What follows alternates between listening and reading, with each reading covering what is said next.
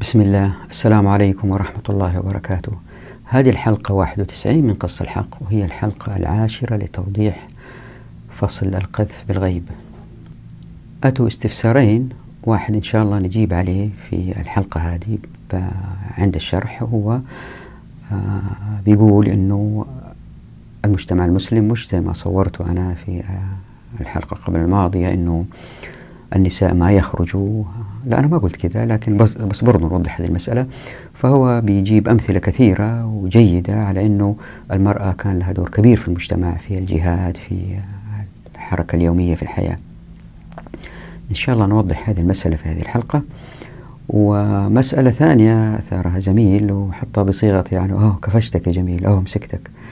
بيقول لي طيب أنت بتقول فيما معناه يعني هو ما قال هذا الكلام إنه والله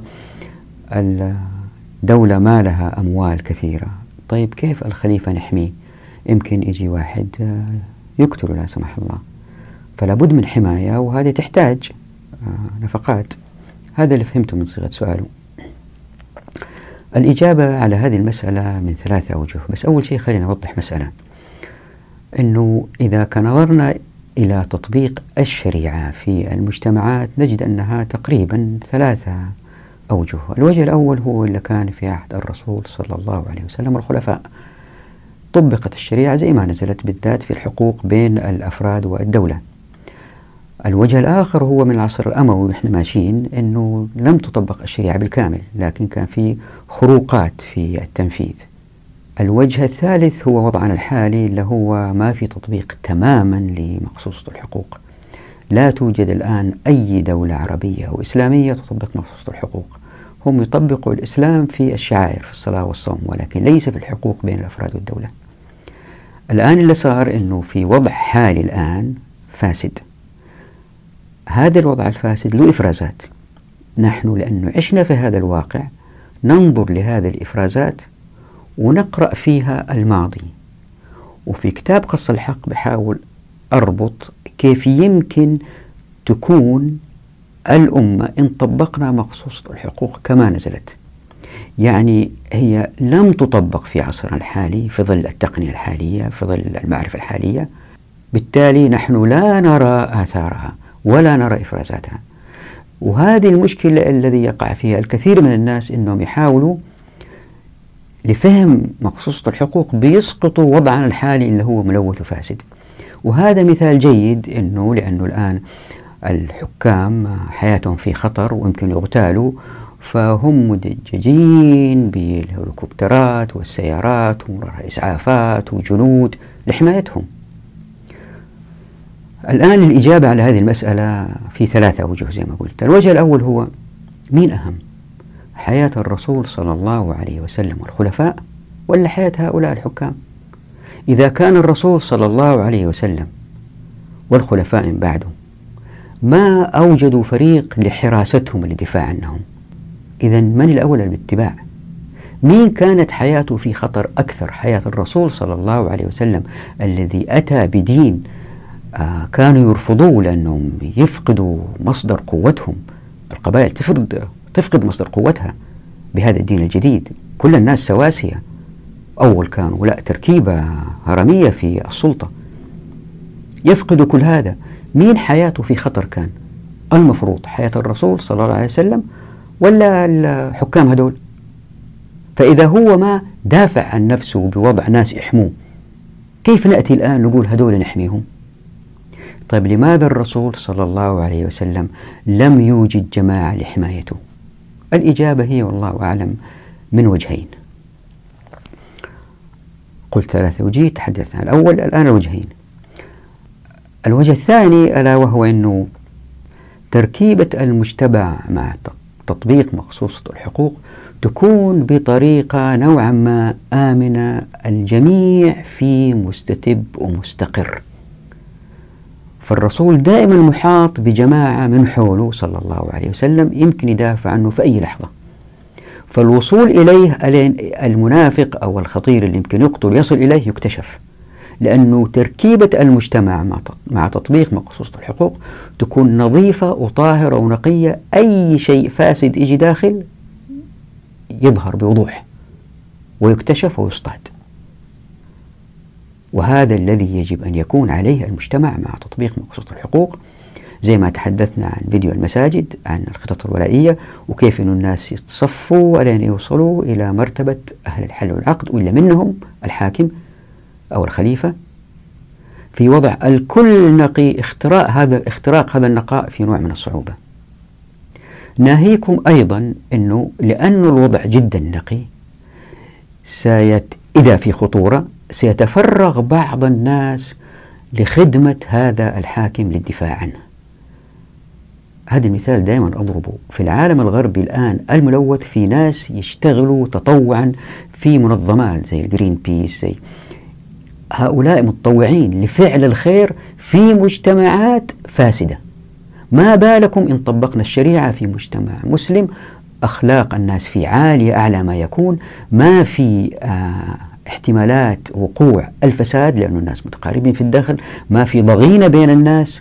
سيخرج من هؤلاء من يريد أن يتفرغ للعمل مع الحاكم أو السلطان لحمايته تطوعا من غير مال. والوجه الثالث والأهم هو صلاحيات السلطان. لأنه الآن ما طبقنا الشريعة الحاكم أو السلطان عنده كل الصلاحيات. فبالتالي محاولة إزاحته تستاهل الحياة والموت والمخاطرة لأنه واحد بينقلب على الثاني لأنه عنده خير كثير وماسك مصالح كثيرة فهو جدا متمكن. بالتمكن هذا يمكن يكون أعداء يمكن يكون آه، آه، أصدقاء يغيروا منه ويطبعوا في موقعه. لذلك توجد الانقلابات. لكن إن طبقنا مقصوصة الحقوق وزي ما شفنا ورايحين نشوف صلاحيات الحاكم محدودة في الداخل كثير. آه، تذكروا آيات تحدثنا عنها وأنا أحكم بينهم. ما تقول الآيات وأنا أحكمهم فهو لما يحكم يحكم بالشريعة. ولأنه للناس الموارد والموافقات والمعرفة ليش يحاولوا يثوروا على الحاكم ولا ليش يحاولوا يأخذوا منصبه؟ لأنهم ماخذين الخيرات موجودة في كل مكان. فالوصول للسلطة كمطمع يكون شيء صعب جدا. زائد أيضا يمكن نقول أنه والله لأنه الذي يحكم ليس شخص. الآن في الأيام هذه شخص يحكم وعنده كل الصلاحيات يرد ويجيب. وهذه وضحتها في فيديوهات سابقة وقلت أنه تركيبة المجتمع المسلم ليست شورى فقط في آه الحل والعقد بين أهل الحل والعقد لكن في جميع المجتمع. وضربت مثال الشارع إذا واحد يبغى يبني دكة كيف أنه القرار اتخذ بعد عدة مداولات بين الناس فالشريعة آه كل القرارات التنموية العمرانية تجعلها في وضع مدفوع للشورى حتى نمتص أكثر رأي ممكن ويصير في جدل بين الناس أخذ وعطاء في الأفكار حتى يظهر الرأي الأفضل. وهذه وضحتها في فيديوهات أولى. وبالتالي بالتدريج العقلية أو الذهنية المسلمة تكون مبنية على الشورى. لما تكون مبنية على الشورى والقرار هو شورى والخليفة يتخذ القرار إذا اختلفوا ويرجح كفة على كفة. طبعا هي ما هي تصويت ب آه، زي الوضع الحالي 50% لا هي قناعة. الشورى هي قناعة. تتلاقح الأفكار حتى يقتنعوا عند الخليفة اتخاذ قرار وهذه دائما قرارات تابعة لعلاقات خارجية مع دول أخرى. لكن في الداخل في الداخل لأن الناس بيأخذوا حقوقهم فلا مجال للسلطان أنه يتلاعب في المجتمع. عندها لن يكون مركز الخليفة مطمع للناس. وطبعا يمكن واحد يقول بالتأكيد أحيانا حوادث القتل لا تكون بسبب المطمع يعني مو شخص طمعان في أنه يكون خليفة لا. هي انتقام مثل ما حدث مع الخليفة عمر بن الخطاب رضي الله عنه وارضاه. آه مات شهيد الحمد لله. فالذي قتله كان شخص يريد أن ينتقم. هذه الحالات إذا شخص يتنكر أنه يكون مسلم ويدخل بين المسلمين هذه صعب منعها. لكن الذي يؤدي إلى تخفيف خطورتها هو أنه لأن الأمة دائما قوية وعزيزة ولأن الأمة دائما تحكم بالعدل. في الحالات هذه اللي يريد أن يقتل الخليفة سيتردد مرارا. طيب إذا قتلت الخليفة هذا بيجي غيره لأنه الذي يسير دفة الأمة ليس هو فرد واحد. هناك نظام مستقر واضح الملامح. مهما قتل من خليفة يذهب ويأتي غيره. أنا مو قصدي هنا أنه والله معليش الخليفة يروح يجي غيره ويموت ويموت. لا لا القصد أنه هذا في أسوأ الاحتمالات يمكن خليفة يقتل. ثم بعد ذلك تنتبه الأمة ودائما يكون في حرس حول الخليفة من الناس المتطوعين. حتى إذا لم توجد خطورة قتل الناس اللي حول الخليفة من أهل الحل والعقد دائما يلتفتوا لهذه المسألة ولحياة الخليفة ودائما يكون محاط بناس يحموه من الناس المتطوعين وهدول لأنهم بيعملوا للأجر سبحان الله سبحانه وتعالى يصعب جدا رشوتهم. وليس كهؤلاء الحرس الآن الذين أحيانا تسهل رشوتهم. هؤلاء لا يرتشوا لأنه الملك أو الرئيس بيغدق عليهم من الأموال وهذه أموال فقراء ومساكين. فقد فكروا في الأجهزة التي تحمي الرؤساء والملوك. كم تكلف؟ من رواتب عالية ومن استرضاء لأصغر جندي حتى ما يخون من أجهزة ومعدات. وكل واحد من هدول له مصالح ويقدر يحصل على المصلحة اللي يبغاها بخطاب بسيط للرئيس أو الملك يقول والله أبغى كذا أبغى كذا يلا خذ خذ أرض خذ آه، بعثة خذ خذ خذ هذه أشياء تافهة بالنسبة لهم. هذه التركيبة الذهنية أنه في جماعة يحموا هذا الشخص المسؤول الكبير تؤدي إلى إيجاد هذه البطانة حتى لو لم تكن من الوزراء أو مجلس الشورى أو لا. الناس اللي حوله تؤدي إلى الفساد الكبير لأنهم بيحصلوا على أشياء منه مباشرة من غير أي عناء. فمخاطر إيجاد جهاز يحمي المسؤول الأول في الدولة تؤدي إلى ظهور بذرة الفساد وهذه مضرة أشد بكثير من أنه لن نوجد هذا الجهاز لأنه في ناس رايحين يقوموا بهذا العمل من المتطوعين. إن حكمنا بمقصوصة الحقوق وإن كان المجتمع قوي وعزيز. حتى الدول الأخرى اللي تفكر أنها تغتال أمير المؤمنين تحسب مليون ألف حساب لأنه تعرف أن الأمة كلها ستتحرك للسير لهذه التي حاولت قتل الخليفة. هذا معنى أمة عزيزة. طبعا أنا هذا توضيح سريع يعني لأنه لسه ما دخلنا في فصل الحكم. إن شاء الله بإذن الله في فصل الحكم والبركة. تروا كيف أن الأمة المسلمة عزيزة جدا إن طبقت مقصوصة الحقوق. ستكون عزيزة جدا إن طبقت مقصوصة الحقوق. والآن إلى الملخص. في هذه الحلقة إن شاء الله راح نقارن بين مستوطنتين كل واحدة فيها عشر آلاف شخص. واحدة تطبق مقصوصة الحقوق. واحدة تتبع في نظامها الحقوقي منظومة أوجدتها بالعقل البشري وبالطبع في الغالب هي ديمقراطية رأسمالية. حتى يقتنع الأخوات المشاهدات والإخوة المشاهدين بهذه الحلقة لابد من تذكر الحلقات الماضية والتربيط بالحلقات الماضية. فإحنا لازلنا في محاولة فهم قوله تعالى أعوذ بالله من الشيطان الرجيم وإذا تولى سعى في الأرض ليفسد فيها ويهلك الحرث والنسل والله لا يحب الفساد. طبعا ما ننسى في هذا الإطار تذكر الخطاب القرآني وما هو الإنتاج المباشر وغير المباشر ونسب القوى العاملة اللي حسبناها من خلال الإحصائيات سابقا. ومسائل أخرى مرت علينا لابد هذه كلها تتربط حتى نفهم هذه الحلقة. رح نستخدم في هذه الحلقة النسب اللي استنبطناها في الحلقات السابقة من الأيدي العاملة ومن منهم يعمل في البيروقراطية ومن منهم ينتج إنتاج مباشر. الهدف من هذه المقارنة بين المستوطنتين حتى نثبت أنه المجتمع المسلم إن طبق مخصوصة الحقوق راح تكون إنتاجيته عالية جدا برغم أن الناس اشتغلوا ساعات أقل بكثير من مجتمع رأسمالي والسبب في ذلك أن الشريعة وضعت حركيات تؤدي إلى جذ البيروقراطيات. ومع اختفاء البيروقراطيات اللي بيصير أنه بعدد ساعات أقل المجتمع ينتج إنتاج أعلى. هذا هو الهدف من المقارنة. حتى نستطيع المقارنة نثبت الوحدة الإنتاجية. يعني ما نقول في المستوطنة إلى تطبق الشريعة الناس يشتغلوا ساعتين أو ست ساعات ونفس الشيء في المستوطنة الأخرى. لا نقول أنه في وحدات إنتاجية. والوحدة الإنتاجية قد تعني عشر كراسي أو عشر سيارة أو خمسين خبز. والسبب في هذا التثبيت أنه إذا تتذكروا في أحد الحلقات الماضية في الحديث عن القيم والنظم والمعرفة يعني النظم الحقوقية قلنا أنه لن نرى المسائل بوضوح إن لم نضع العلاقة هذه بين هذه الثلاثة في أذهاننا. فحتى نفهم المقارنة بطريقة مجردة نقول أن المستوطنة مثلا التي لا تحكم بالشريعة تعمل لإنتاج أربع وحدات إنتاجية. ونقارنها بالمستوطنة اللي تحكم بمقصوصة الحقوق واضعين في أذهاننا أنه نفس المستوى من المعرفة والتقدم التقني موجود في المستوطنتين.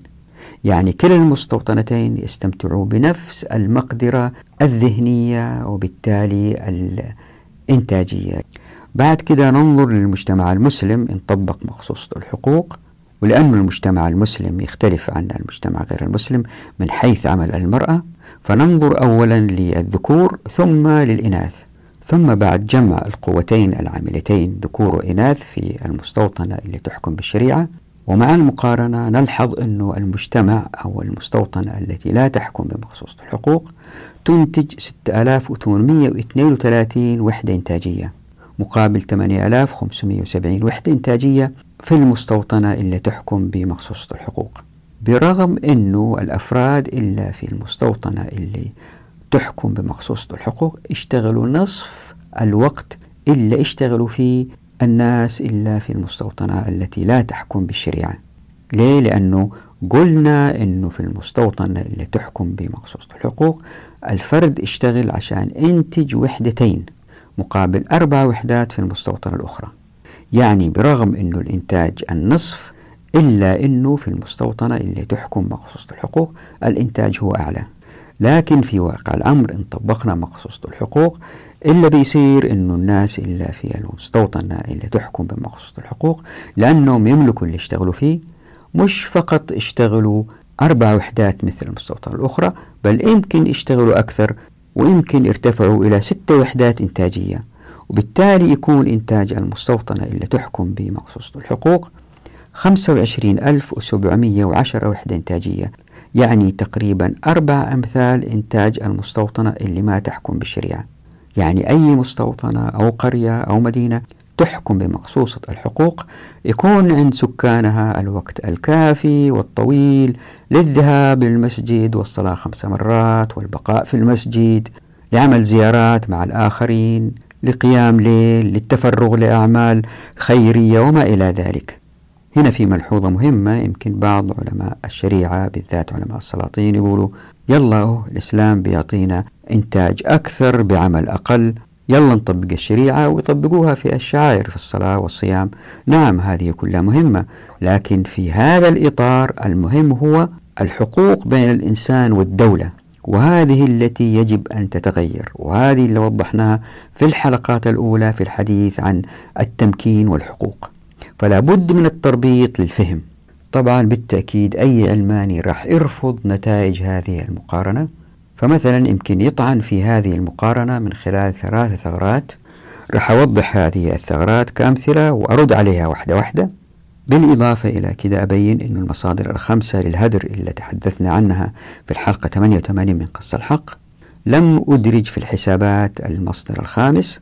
فإن أخذنا في الحسبان المصدر الخامس من الهدر ألا وهو الترفيه. وإن تحولت الطاقة الإنتاجية من المصادر الأربعة هذه من الهدر. بدل ما تذهب في البيروقراطيات وما إلى ذلك تذهب إلى إنتاج مباشر عندها سيزداد الإنتاج جدا في المجتمع الذي يحكم بمخصوصة الحقوق. بعد كده أبين أنه هناك اعتبارات أخذت بها المنظمة الدولية اللي أخذت منها إحصائيات القوى العاملة ألا وهي ILO International Labour Organization. من هذه الاعتبارات أنهم اعتبروا أن الموظف المجاز لا يعتبر عاطل لكن يحسب في القوى العاملة. وكذلك الطالب لا يعتبر عاطل. والأهم الأثرياء اللي يملكوا متاجر مصانع واللي استثمروا أموالهم في الأسهم والسندات هؤلاء كلهم لا يعتبروا في منظمة آي أو عاطلين. وطبعا هؤلاء مثل ما تحدثنا في الإنتاج المباشر هم لا ينتجوا أبدا. هم من ضمن البيروقراطيين. الموظف المجاز لا ينتج. الطالب الذي يدرس لا ينتج إنتاج مباشر مثل خبز أو قميص. وبكذا نستنتج أن الرقم اللي وصلنا له من أن المنتجين فعليا في الولايات المتحدة الأمريكية هم 35.2% فهذا الرقم غير دقيق. فالمنتجين فعليا هم أقل من هذا بكثير وهذا في صالح قص الحق. ليه؟ لأنه في بيروقراطية ما حسبناها. وهذه البيروقراطية في النظام الرأسمالي هي لا تنتج فعليا إنتاج مباشر. فإن حسبناها مع تطبيق مخصوصة الحقوق أنها تنتج إنتاج مباشر لزادت الإنتاجية مع تطبيق مخصوصة الحقوق عن أربع أمثال برغم أن الناس بيشتغلوا نصف الوقت. ناهيكم عن حساب الدول الإسكندنافية اللي فيها بيروقراطية أعلى. ناهيكم عن الدول العربية التي تعتمد أساسا في تغذية مجتمعاتها على ما هو تحت الأرض من خيرات. بعد كده ننظر لعمل المرأة وأبين أني في الحسابات أخذت في الاعتبار أنها فقط تشتغل في التعليم والصحة لكن إن دخلت مجالات أخرى ستزداد كمية الإنتاج في المجتمع. وهنا في توضيحات مهمة صعب الخوض فيها في هذا الملخص مثل الحضانة.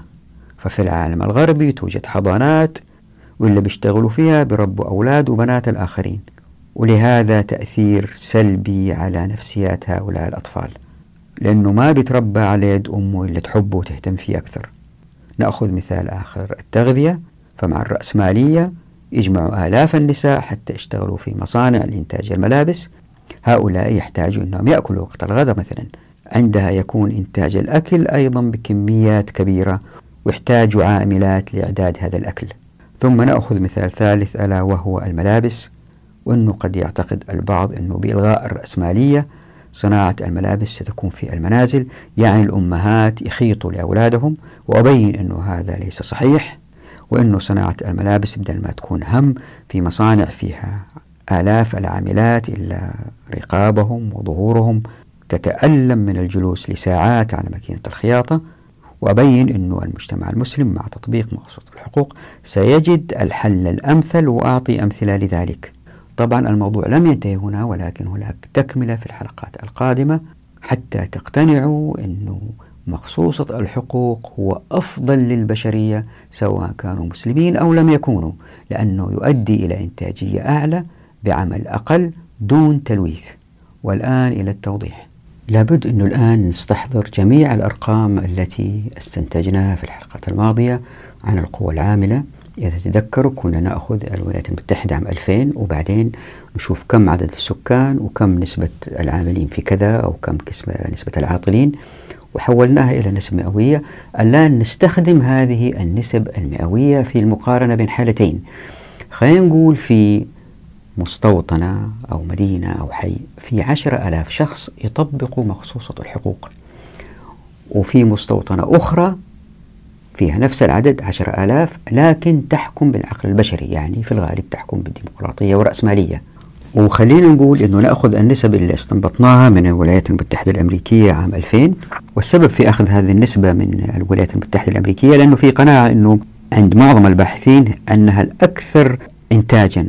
ليه؟ لأنه الكفاءة فيها عالية لأنه نسبة الموظفين الحكوميين فيها أقل. فبيروقراطية الدولة فيها أقل. نجد أن نسبة القوى العاملة هي 46.83% وذلك لأن عدد سكان الولايات المتحدة الأمريكية عام 2000 كانوا 281 مليون و421 ألف نسمة. وكان من بينهم 131 مليون و785 ألف ممن يعملون. والباقي هم أطفال أو عجزة أو ربات منازل وما شابه ممن هم ليسوا في سوق العمل. لذلك فإن عدد من يعملون هم 4683 فرد من العشرة آلاف. يعني إذا أخذنا نفس النسبة وطبقناها على المستوطنة اللي فيها 10000 شخص. وزي ما شفنا في السابق اللي انتجوا إنتاج فعلي للأعيان والخدمات المباشرة دون هدر في المصادر الأربعة. تذكروا في أحد الحلقات الماضية قلنا في خمسة مصادر الهدر وقلنا المصدر الخامس هو الخلافي لأنه عن الترفيه.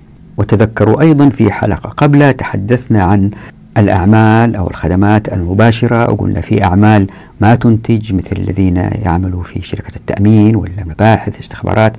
هؤلاء كلهم أفراد ما ينتجوا إنتاج مباشر. فاللي ينتجوا إنتاج فعلي دون هدر من المصادر الأربعة كانوا 36.47% من القوى العاملة. يعني في مثالا اللي هو 10,000 شخص يكون 1708 فرد هم اللي بيشتغلوا. ليه؟ لأنه إذا ضربنا 4683 في 35.2% نحصل على هذا الرقم وخلينا نقول أنه هؤلاء ال 1708 دخلوا عالم الثورة الصناعية والذكاء الاصطناعي والمعلوماتية وكانت إنتاجيتهم عالية جدا وأنه الواحد يشتغل في اليوم أربع وحدات إنتاجية ليش قلت أربع وحدات إنتاجية؟ لأنه صعب جدا نقول ينتجوا الواحد ينتج في اليوم مية قميص أو ألف خبز أو عشر سيارة. لا نقول أربع وحدات إنتاجية والوحدة الإنتاجية قد تكون كذا أو كذا أو كذا.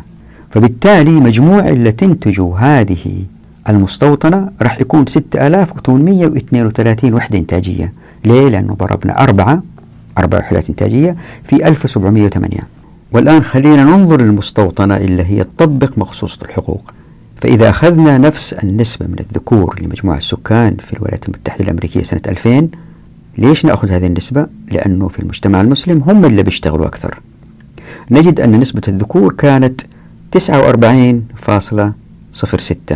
في المية ليه؟ لأنه عدد الذكور كان 138 مليون و53 ألف من 281 مليون و421 ألف نسمة هذه الأرقام استنتجناها في الحلقات السابقة.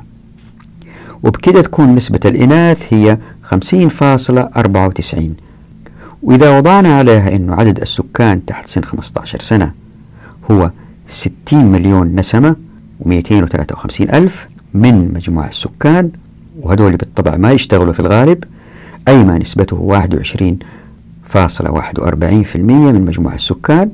وهذه النسبة بالطبع تشمل الذكور والإناث فإن تقبلنا هذه النسبة علما أن نسبة الإناث هي الأعلى بشكل طفيف وبالذات عند كبار السن فإن نسبة الإناث ممن هم دون سن 15 هو 10.9% من مجموع السكان. وبالنسبة للذكور ممن هم دون سن 15 سنة فهو 10.5 من مجموع السكان. وبكذا تكون نسبة الذكور القادرين على العمل هي 38.56 من مجموع السكان. يعني 49.06 ناقص 10.5% وبالنسبة للنساء زي ما شفنا في أنه نسبة العاملات في حقلي الصحة والتعليم راح يكون إن طبقنا مخصوصة الحقوق وأخذنا بنفس المستوى اللي كان في أمريكا عام 2000 راح يكون 9.18% من مجموع القوى العاملة واللي كان 46.83% من مجموع السكان. تذكروا أنه هذه النسبة هي افتراض إن أردنا الحصول على نفس المستوى الصحي والتعليمي للنساء في الولايات المتحدة الأمريكية. يعني نسبة العاملات لمجموع السكان هو 4.29% وهذه نسبة مدنية جدا يعني جزء صغير من النساء في هذه المستوطنة اللي تطبق مخصوص الحقوق هي التي تعمل. وبهذا فإن نسبة من سيعملون في هذه المستوطنة فيما هو إنتاج مباشر من أعيان أو خدمات هو 42.85% من المية من مجموع السكان. ليه؟ لأنه نجمع الذكور اللي اشتغلوا مع الإناث اللي اشتغلوا. 38.56 زائد 4.29 يعني العاملين في هذه المستوطنة من العشرة آلاف راح يكونوا 4285 طبعا هذا إن طبقوا مخصوص الحقوق يعني 10000 في 42.85 طيب خلينا نقول هذول اللي بيشتغلوا ال 4285 كانوا يصلوا في المسجد ويصلوا التراويح ويحضروا دروس دينية ويصلوا الأرحام ويسووا زيارات ورحلات وما شابه من نشاطات وكانوا مدللين حالهم. وكل واحد ما يبغى يشتغل منهم أربع وحدات إنتاجية زي المجتمع الثاني اللي فيه ديمقراطية ورأسمالية. يعني ما يبغوا يحرقوا نفسهم في الشغل. عندها يكون مجموع ما تنتج هذه المستوطنة 8570 وحدة برغم بطء وتيرة الحياة. ليه؟ لأنه 4285 في 2 تعطينا 8570 وهذا الرقم أكثر مما تنتج المستوطنة الأخرى اللي ما تحكم بالشريعة لاحظوا هناك كانت 6832 هنا 8570 برغم أنه هذه المستوطنة تشتغل نصف تلك المستوطنة من حيث ساعات عمل. لاحظوا أن هذه المستوطنة تنتج نصف إنتاج المستوطنة الأخرى من حيث وحدات إنتاج لكل فرد. لماذا حصلنا على هذا الفرق؟ لأنه لا يوجد هدر لكن إنتاج مباشر للسلع والخدمات وزي ما راح نشوف إن شاء الله في الفصول القادمة وإن شاء الله بإذن الله أقدر أثبت هذه المسألة أنه التنسيق الذاتي في المجتمع إن طبقنا مخصوص الحقوق والتراكم المعرفي بين الأفراد وأن المعرفة مشاعة سيزيد الإنتاجية دون إجهاد كبير لأفراد المجتمع يعني يمكن يوصل إنتاجهم بدون مبالغة إلى ستة وحدات للفرد. وبالتالي يكون المجموع 25710 وحدة إنتاجية لهذه المستوطنة. يعني ما يقارب أربعة أضعاف ما ينتجه مجتمع رأسمالي لاحظوا أنه في اعتبارات كثيرة ما أخذتها في الحسبان. راح أوضح بعضها. مثل أنه الناس لأنهم بيشتغلوا في أعمالهم ويحبوها ما يكتفوا بإنتاج وحدتين لا أكثر بكثير. عندها لأن الإنتاجية عالية في هذا المجتمع فلن يتضرر الإنتاج إن قام البعض بالقيام كامل الليل ولا تفرغ بعضهم للجهاد تماما ولا تفرغ البعض لمساعدة الآخرين أو للسفر لطلب العلم. لأنه اللي يقدمه هذا المجتمع ذو العطاء العالي من زكاة سيدعم كل هذا. لاحظوا هنا في حاجة مهمة أنه هذا الرقم ظهر برغم أنني اعتبرت أن معظم النساء لا ينتجن يعني فقط 4.29% من المية منهم هم اللي ينتجوا وهذا بالطبع غير صحيح زي ما رح نشوف. المرأة المسلمة العاملة إنتاجها جدا عالي وراح أوضح هذه إن شاء الله بإذن الله. وبالطبع يعني أي مشاهد إذا كان علماني ما راح يصدق هذه الأرقام لأنها بالنسبة له افتراضات. بالتأكيد راح يحاول أنه يوجد الكثير من الثغرات وراح ينجح فيها لكن راح أرد عليه. نضرب بعض الأمثلة. الثغرة الأولى يمكن يقول وإيش عن العجزة والكبار جدا اللي ما يعملوا تماما؟ فأنا ما أدخلتهم في حسابات المجتمع المسلم. وماذا أيضا عن العلماء اللي تفرغوا للعلم رحمه الله؟ أنا ما حسبتهم في الإنتاج المباشر. ثغرة ثانية يمكن يستنتج وينتقد ويقول كيف هذا اللي يقول أنه يتقص الحق يتصور مجتمع ما تقوم فيه الدولة بمهام أساسية مثل تعبيد الطرق والأرصفة؟ كيف يمكن أن تترك هذه للأفراد؟ هذه مرينا عليها في السابق بس برضو أذكر فيها بسرعة في هذه الحلقة إن شاء الله. ثغرة ثالثة يمكن يقول كيف إني أفترضت أنه من أسس الفساد تسخير الطبقات الأغنى ماليا بعضها لبعض. هذا موضوع الحلقة الماضية وأنه هذا ليس بالضرورة صحيح. يمكن يأتي الفساد من مصادر أخرى. يمكن مجموعة أفراد يجتمعوا لإنشاء مصنع في منطقة بعيدة ويلوثوا من نهر قريب لهم. ولأن السلطة ما عندها موارد مالية ما تستطيع توقيفهم وهكذا. بالنسبة للثغرة الأولى يعني العلماء اللي رايحين يتفرغوا للعلم وإني ما حسبتهم كمستهلكين وإني اعتبرتهم منتجين برغم إنه إنتاجهم ليس إنتاج مباشر للأعيان أو الخدمات فأنا ما حسبتهم لإنه مع تطبيق الشريعة لأنه معظم هؤلاء العلماء سيعملوا فيما ينتجوه مباشرة ليه؟ لأنه مع تطبيق الشريعة الكل سيعمل حتى العالم فزي ما راح نشوف إن شاء الله في فصل المعرفة إن طبقنا الشريعة ما في حاجة لتفرغ العلماء التام فالعلم الوحيد اللي حاولوا يتعلموا جميع المسلمين هي الشريعة. والشريعة ليست بحاجة للتطوير لأنها نزلت مكتملة من عند الله سبحانه وتعالى فهي تلقينية. طبعا فيها تأملات وتدبرات عشان واحد يقتنع أكثر بالدين لكن ما فيها استحداث جديد. أنا أتكلم فقط عن مقصوصة الحقوق. أنا ما أتكلم في الشريعة في مسائل أخرى تحتاج اجتهاد. لا أنا أتحدث في علاقة الإنسان بالدولة وعلاقة الإنسان بالإنسان في المسائل الحقوقية التمكينية. فاللي يصير أنه كل ما على المجتمع في هذه المسألة هو التطبيق. طيب يمكن واحد يقول وماذا عن العلوم الأخرى مثل التخطيط والاقتصاد والتنمية والاجتماع؟ يعني جميع العلوم اللا تقنية الملاحظ أن هذه العلوم اللا تقنية لها أهداف وهي الرقي بالمجتمع للوصول لمجتمع أكثر تنظيم وعدل وبالتالي أكثر إنتاج. هذا هدف جميع هذه العلوم إيجاد مجتمع سعيد من غير مشاكل. واللي أزعم أنه مع تطبيق مقصوصة الحقوق سنصل إلى هذا المجتمع من غير هذه العلوم وفي هذا تقليص الهدر. ليه؟ لأنه زي ما شفنا في الحلقات الماضية مثلا قلنا ما في حاجة لعلم الاقتصاد وعلم التخطيط لأنه هذه العلوم تؤدي إلى تغيير مقصوصة الحقوق إلى منظومات حقوقية من نسج عقول البشر. وهذا اللي تحاول مقصوصة الحقوق فعله جذو من جذوره. يعني نحتاج زي ما وضحت في السابق المخطط والاقتصادي اللي يعمل تحت مظلة الناس. يعني هو مذلل لهم لأنهم يحتاجوا لخدماته فهو وسيلة تطوير العملية الإنتاجية وليس لوضع سياسات عامة للدولة وبالتالي يتقلص جدا حجم هؤلاء. ناهيكم عن أنه الناس اللي شغالين في العملية الإنتاجية هذه لأنهم يملكوا ما ينتجوه سيحاولوا إيجاد المعرفة بسحبها من مناطق أخرى من تجارب أخرى للاستغناء عن خدمات هذا الذي يعطيهم هي بطريقة متخصصة. وبكده يقل الهدر أكثر وأكثر.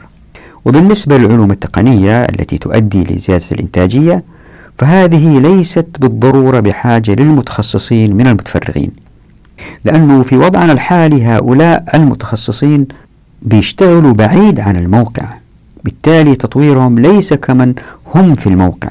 طيب يمكن واحد يقول لي طيب الآن ظهرت كورونا نحتاج لقاح لكورونا إيش اللي يصير؟ الجواب هو دائما زي ما قلت أنه مع تطبيق مخصوص الحقوق وفتح أبواب التمكين إلا بيصير أنه الناس لما يكونوا متقاربين في الدخل والكل دخله نوعا ما مرتفع تظهر الأوقاف التي تتصدى لهذا الشيء. عندها هذه الأوقاف لأنها بأحجام صغيرة وتحدثنا عن الأوقاف سابقا لكن ما ركزنا عليها رح نفصل أكثر إلا بيصير أنه إذا لم يوجدوا لقاح الناس ما يدعموهم. فبالتالي الأوقاف تكسب مصداقية كمراكز أبحاث في أنها دائما تتصدى وتأتي بالعلاج المناسب. عندئذ يدعموهم الناس. الناس ما هم أغبياء يرموا فلوسهم لناس ما ينتجوا.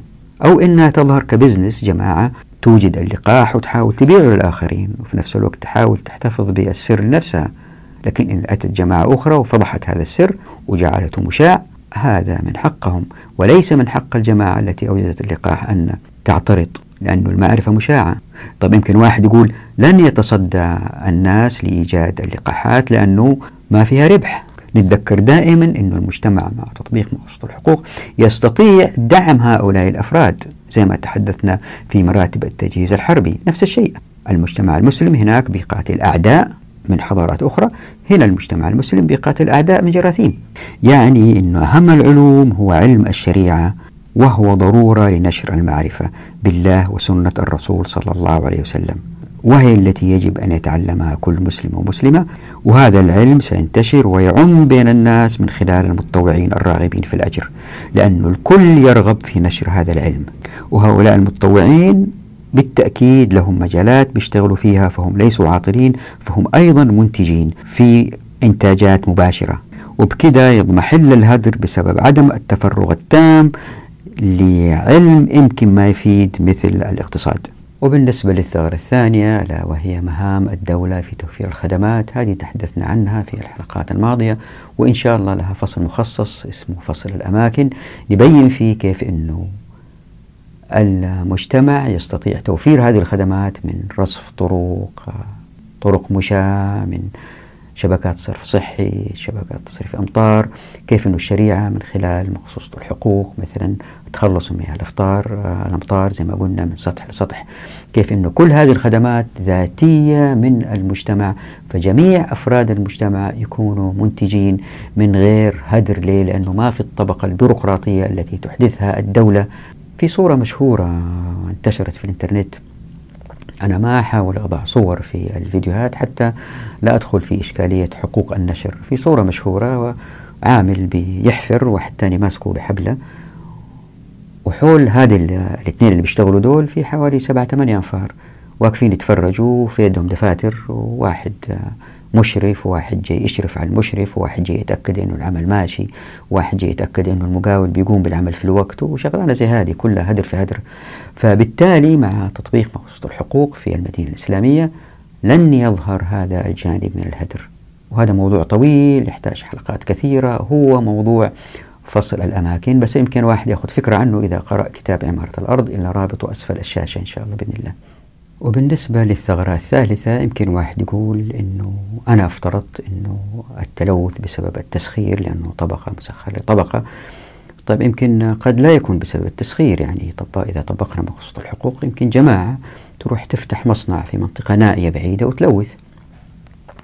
الجواب هو من جانبين. الجانب الأول آه هذا لن يقع لأنه رأس المال جبان ودائما أصحاب الاستثمارات يفكروا ألف مرة قبل ما يقدموا على الاستثمار.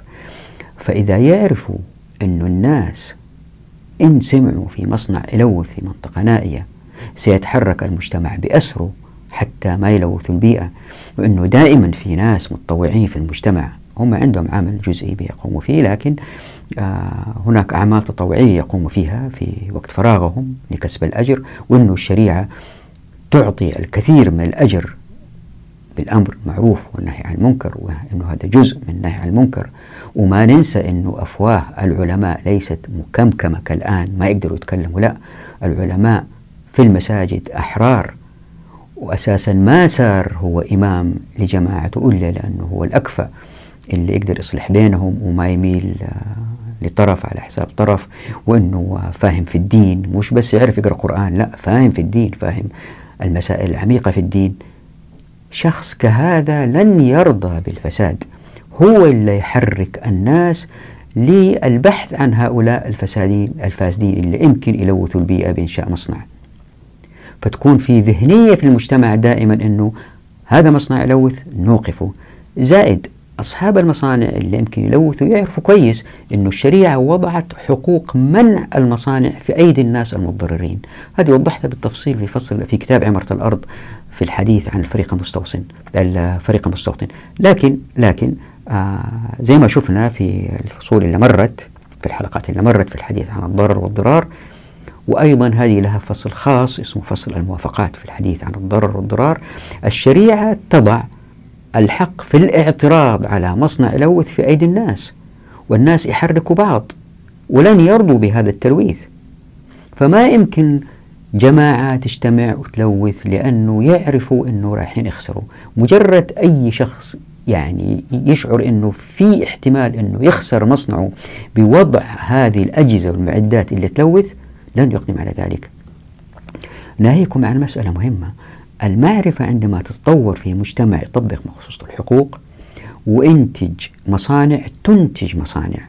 الآن المصانع اللي تشتغل هذه وتنتج فيها أجهزة ومعدات. هذه تصنع في مصانع ثانية. هذيك المصانع تصير تنتج أدوات ومعدات لن تؤدي إلى التلويث. فالتركيبة الذهنية كلها في المجتمع هي إيجاد مصانع لن تلوث من أصله. إذا أضفنا لهذا مسألة مهمة هي أنه مع زيادة نسبة الملاك في المجتمع والناس بيعملوا في اللي ينتجوه في مصانعهم أية مغفل هذا يسوي مصنع هو بيشتغل فيه هو يتلوث. ليه؟ لأنه نسبة آه، فكرة هذه أنه جماعة تملك رؤوس أموال وهم ساكنين في بلد ويفتحوا مصنع في بلد آخر هذه مسألة جدا صعبة وصعب تحقيقها جدا. ليه؟ لأنه دائما الإنتاج للأشياء الكبيرة يكون عن طريق شراكات زي ما رايحين نشوف إن شاء الله في فصل الشركة. ففي الغالب الناس اللي يملكوا هم يشتغلوا في المصنع. فكيف يلوثوا أنفسهم؟ هذا مستحيل. وهنا توضيح يا ريت نلتفت له ألا وهو أنه عندما تحدثت عن مصادر الهدر في حلقات ماضية وقلت إنها خمسة تذكروا؟ قلنا إنها خمسة الخامس هو الترفيه الأول هو مثلناه بوزارة الزير الثاني هو البيروقراطية داخل الشركات والمؤسسات الإنتاجية الثالث هو الإفرازات التي تحدثها الرأسمالية من أمراض سكر وما إلى ذلك. الرابع كان عن الاحتياجات التي تحتاجها الرأسمالية حتى تستمر مثل المحامين القضاة فالآن مهمتي أني أثبت لكم في الحلقات القادمة في باقي الكتاب أنه بالإمكان الاستمرار في المجتمعات المسلمة من غير هذه المصادر الأربعة. وبالتالي وهذا يزيد موقف قص الحق قوة أنه هذه الأيدي العاملة ستكون تنتج إنتاج مباشر وبالتالي يزداد مجموع الإنتاج في الأمة. وطبعا أنا ما حسبت في حساباتي المصدر الخامس ألا وهو الترفيه.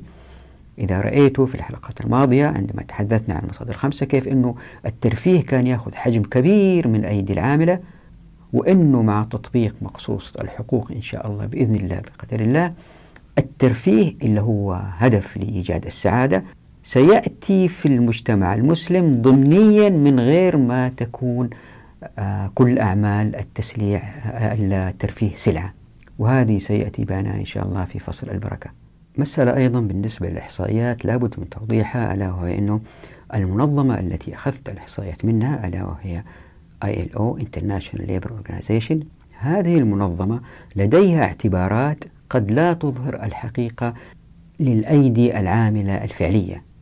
فمثلا في عام 1982 في المؤتمر اللي صار في جنيف المؤتمر الثالث عشر قبلت المعايير اللي تقول مثلا إنه الشخص إذا كان يشتغل لنفسه هو يعتبر انتاج إنسان منتج وليس إنسان عاطل يبحث عن عمل. طبعا هذا الاعتبار مضلل ليه؟ لأنه زي ما إحنا عارفين في النظام الراسمالي كثير من الأثرياء اللي عندهم أعمال لكن في الواقع هم ما يشتغلوا أبدا. هم يديروا أعمالهم أو يجيبوا ناس يديروا لهم أعمالهم. فهم ما هم داخلين في الإحصائيات أبدا كناس عاطلين لكن في واقع الأمر هم عاطلين.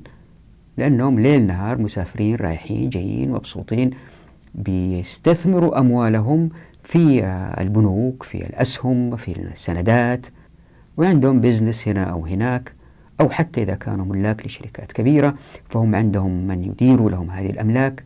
ففي واقع الأمر هناك الكثير من الأثرياء اللي هم ما هم منتجين فعليا أبدا. يعني ما انتجوا إنتاج مباشر ومحسوبين في الإحصائيات أنهم ناس منتجين.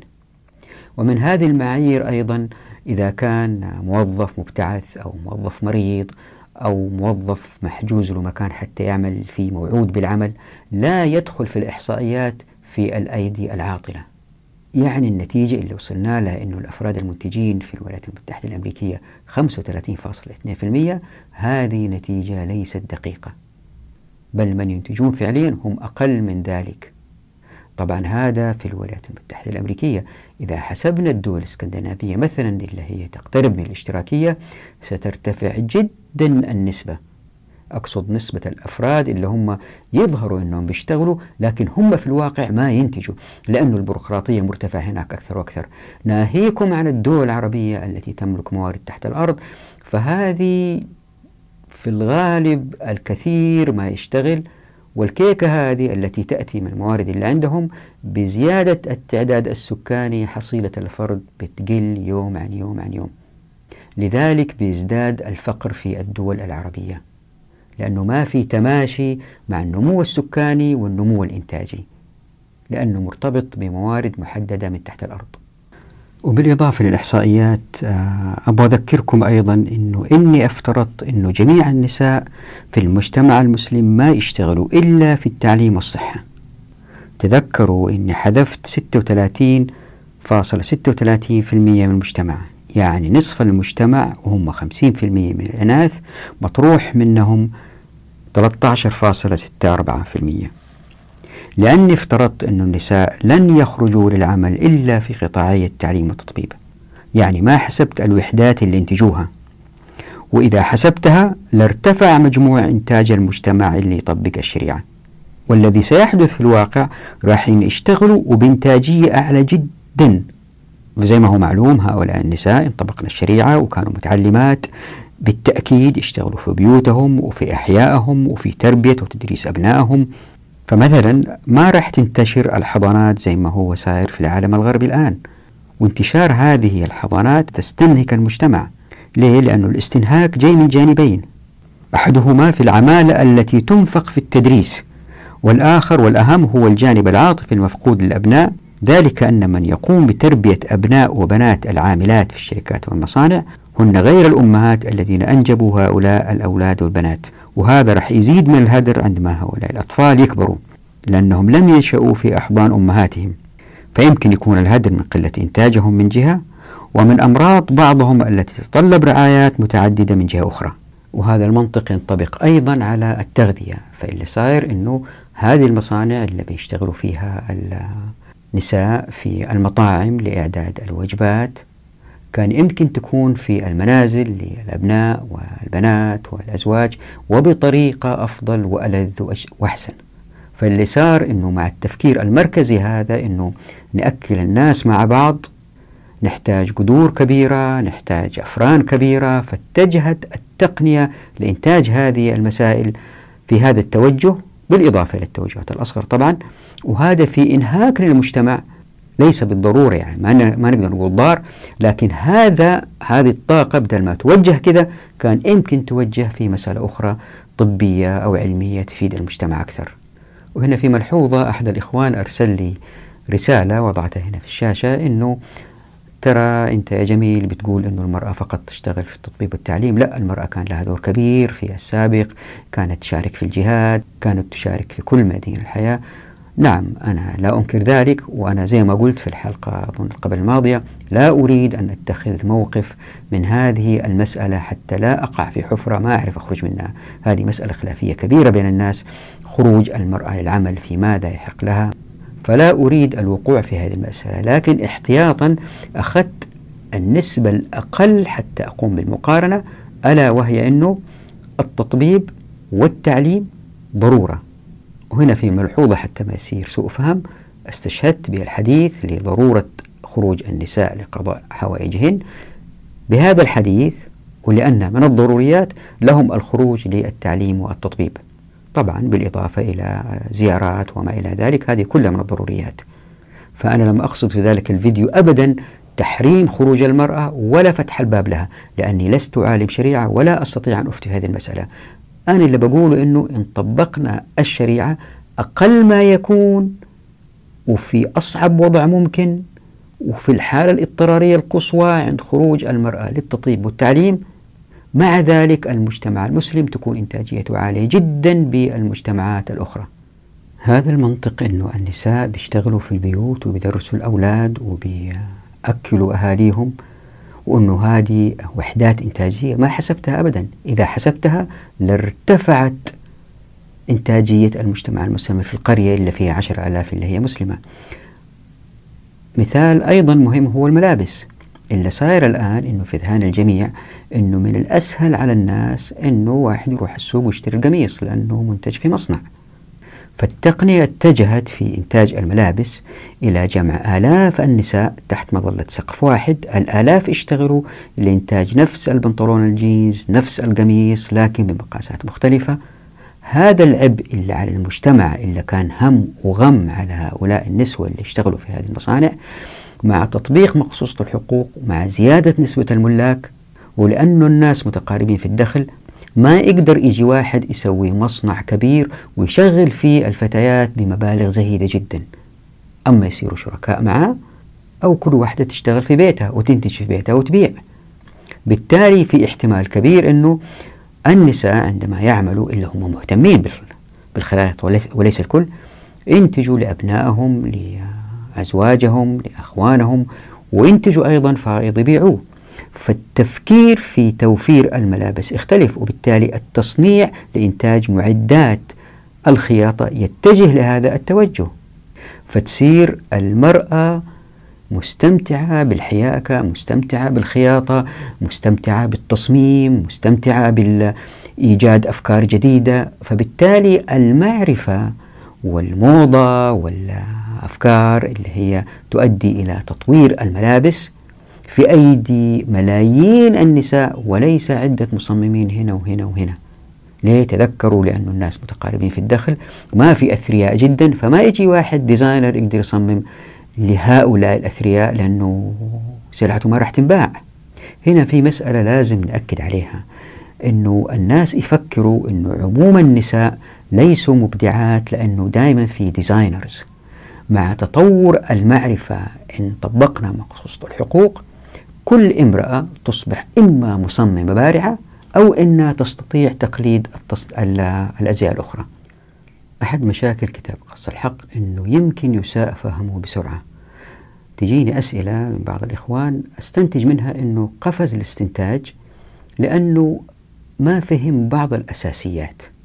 فمثلا الآن في هذه الحالة عندما تحدثت عن الخياطة يجي واحد يقول يعني تبغانا نخلي كل ربة بيت تصير خياطة. يعني تبغى أمي اللي عندها عشر أولاد تخيط للعشر الأنفار؟ أنا ما قلت كده. هذا استنتاج البعض.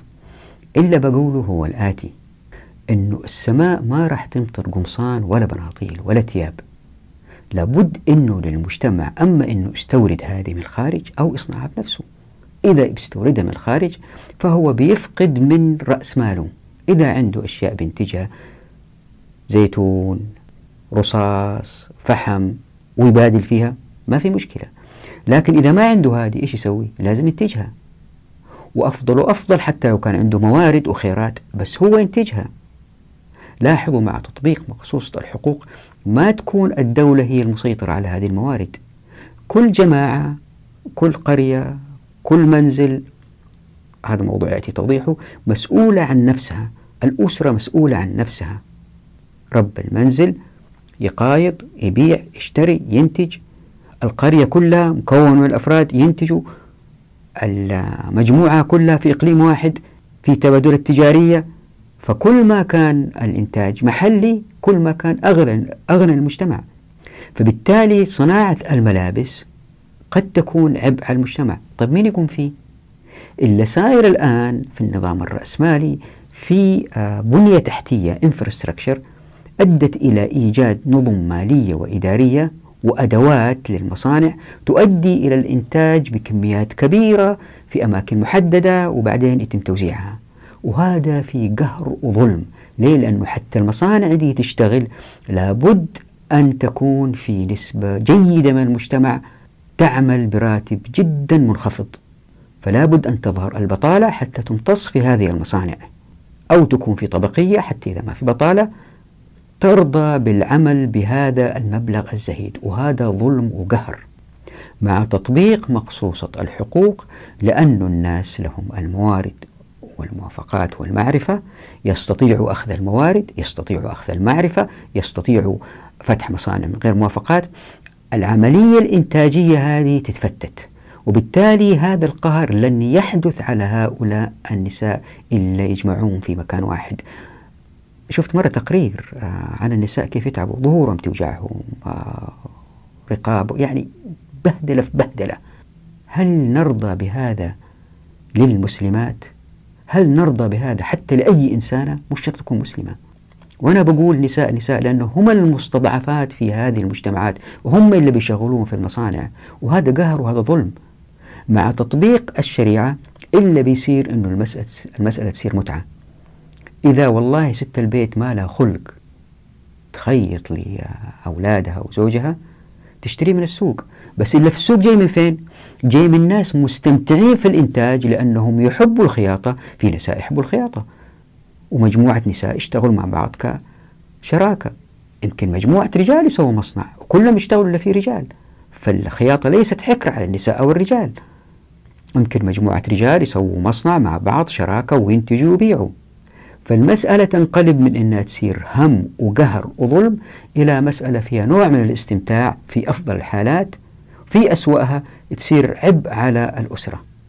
يعني صناعة الملابس في تاريخها خرجت من المنزل إلى المصانع مكان في قهر وظلم. واللي بحاول أقوله أنا أنه الحل لا هو هذا ولا هو هذا. الحل شيء ممتع بإرادة الناس إلا ينتجوا أشياء ليست ملابس ويقيضوا فيها ملابس يبيعوا ويشتروا. هذا وضع. وفي ناس انتجوا ملابس ويبيعوها للآخرين هذا وضع آخر. في جميع الأحوال الكل مستمتع بما ينتج لأنه بيدخل ماليا من غير قهر وظلم. وبالتالي تندفع تقنية يعني الإنفراستراكشر البنية التحتية لإيجاد الملابس تتغير من طريقة مركزية رأسمالية إلى طريقة لا مركزية لا رأسمالية وبالتالي تزداد المعرفة وتنطلق أكثر وأكثر لأنه المنتجين كثر ويشاركوا في اتخاذ القرار الإنتاجي لأنه أيديهم في العمل. يأتي الإبداع وإذا شيء ظهر مبدع والكل حبه يبدأوا الناس يقلدوه ويكرروه يصير عرف. وإذا كان الابتكار سيء هو هو ابتكار في مكانه ويموت لأنه ما حد يقلده. نفس هذا الذي تحدثت عنه في الملابس أيضا يمكن يطبق على الطاقة. اللي صار زمن أول كانوا الناس مثلا عندما يطبخوا يستخدموا الطاقة في المنزل بالحطب مع ظهور الطاقة الكهربائية المولدة في الخارج. الطاقة بدل ما تكون تستحدث في المنزل أصبحت تستحدث في الخارج. الآن بعد ما البشرية صحيت أكلت كف من هذا التلويث اللي بتسويه بدأت تفكر تاني في إعادة استحداث الطاقة في الموقع لأنه نقل الطاقة من برا المدينة إلى المستهلكين مكلف جدا وبالتالي بدأوا يفكروا في استحداث الطاقة في الموقع. من ألواح شمسية وما شابه من تقنيات سنعرفها إن شاء الله في المستقبل. لذلك دائما أقول الشريعة أفضل للغد من اليوم واليوم هي أفضل لنا من الناس اللي كانوا في السابق. ويمكن واحد يقول أنت يا جميل بتنتقد النظام الرأسمالي وهو النظام الذي أعطانا المحطات الكبيرة هذه التي تعطينا الطاقة بكميات هائلة وهو النظام الذي أوجد المفاعلات النووية التي تعطينا الطاقة فين الإسلام من كل هذا؟ أقول نعم هذا تقدم ملموس في الغرب ما نقدر ننكره لكن لا نخلط بين التمكين اللي جاء بسبب عقلانيتهم وبين التقدم المعرفي. تذكروا الحلقة تحدثنا فيها عن القيم والنظم والمعرفة. هذا ينطبق هنا الآن جيدا. ليه؟ لأنه اللي بتراه في العالم الغربي من تقدم ليس بسبب منظومات حقوقهم. صحيح منظومات حقوقهم أطلقت البعض وقيدت البعض لكن هو بسبب التقدم المعرفي اللي هو بالتدريج كان ماشي بسبب تقدم الإنسانية واللي كان وراها المسلمين جذور المعرفة اللي هم فيها الآن اللي أوجدوها المسلمين وهذا بدأ يثبت أكثر وأكثر مع مرور الأيام. في ناس بدأوا يبحثوا عن هؤلاء اللي نسبوا العلم لأنفسهم في الغرب وهو مسروق من العالم الإسلامي. فالعالم الغربي بهذه المعرفة إن طبق مقصوصة الحقوق لكان أوجد مجتمعات أفضل من حيث الطاقة من غير مرحلة التلويث اللي مرت فيها الكرة الأرضية. يعني الرأسمالية التي أوجد النظام الحقوقي من إنتاج العقل البشري القاصر أدت إلى مرور البشرية بهذه المرحلة التي أدت إلى تلويث الكرة الأرضية. كان يمكن نعدي هذه المرحلة من غير ما نلوث الكرة الأرضية وهذا اللي صاير الآن. بدو يوجدوا الطاقة بأقل تلويث ممكن. طيب كيف قدروا؟ هم بيقدروا أنها بدأت تصير لا مركزية بدأت تصير في أيدي الناس اللي انتجوها وهذا مثال واحد صغير. وراح تشوفوا إن شاء الله أمثلة كثيرة. أثبت لكم إن شاء الله بأمر الله بقدر الله بجود الله. كيف أنه لو طبقنا مقصوصة الحقوق نوصل إلى تقنية أعلى في المجتمعات ومعرفة أعلى وسعادة أعلى بأقل هدر ممكن. نقف هنا نراكم على خير إن شاء الله. لم ننتهي من هذه المسألة لها مكملات إن شاء الله. دعواتكم وفي أمان الله.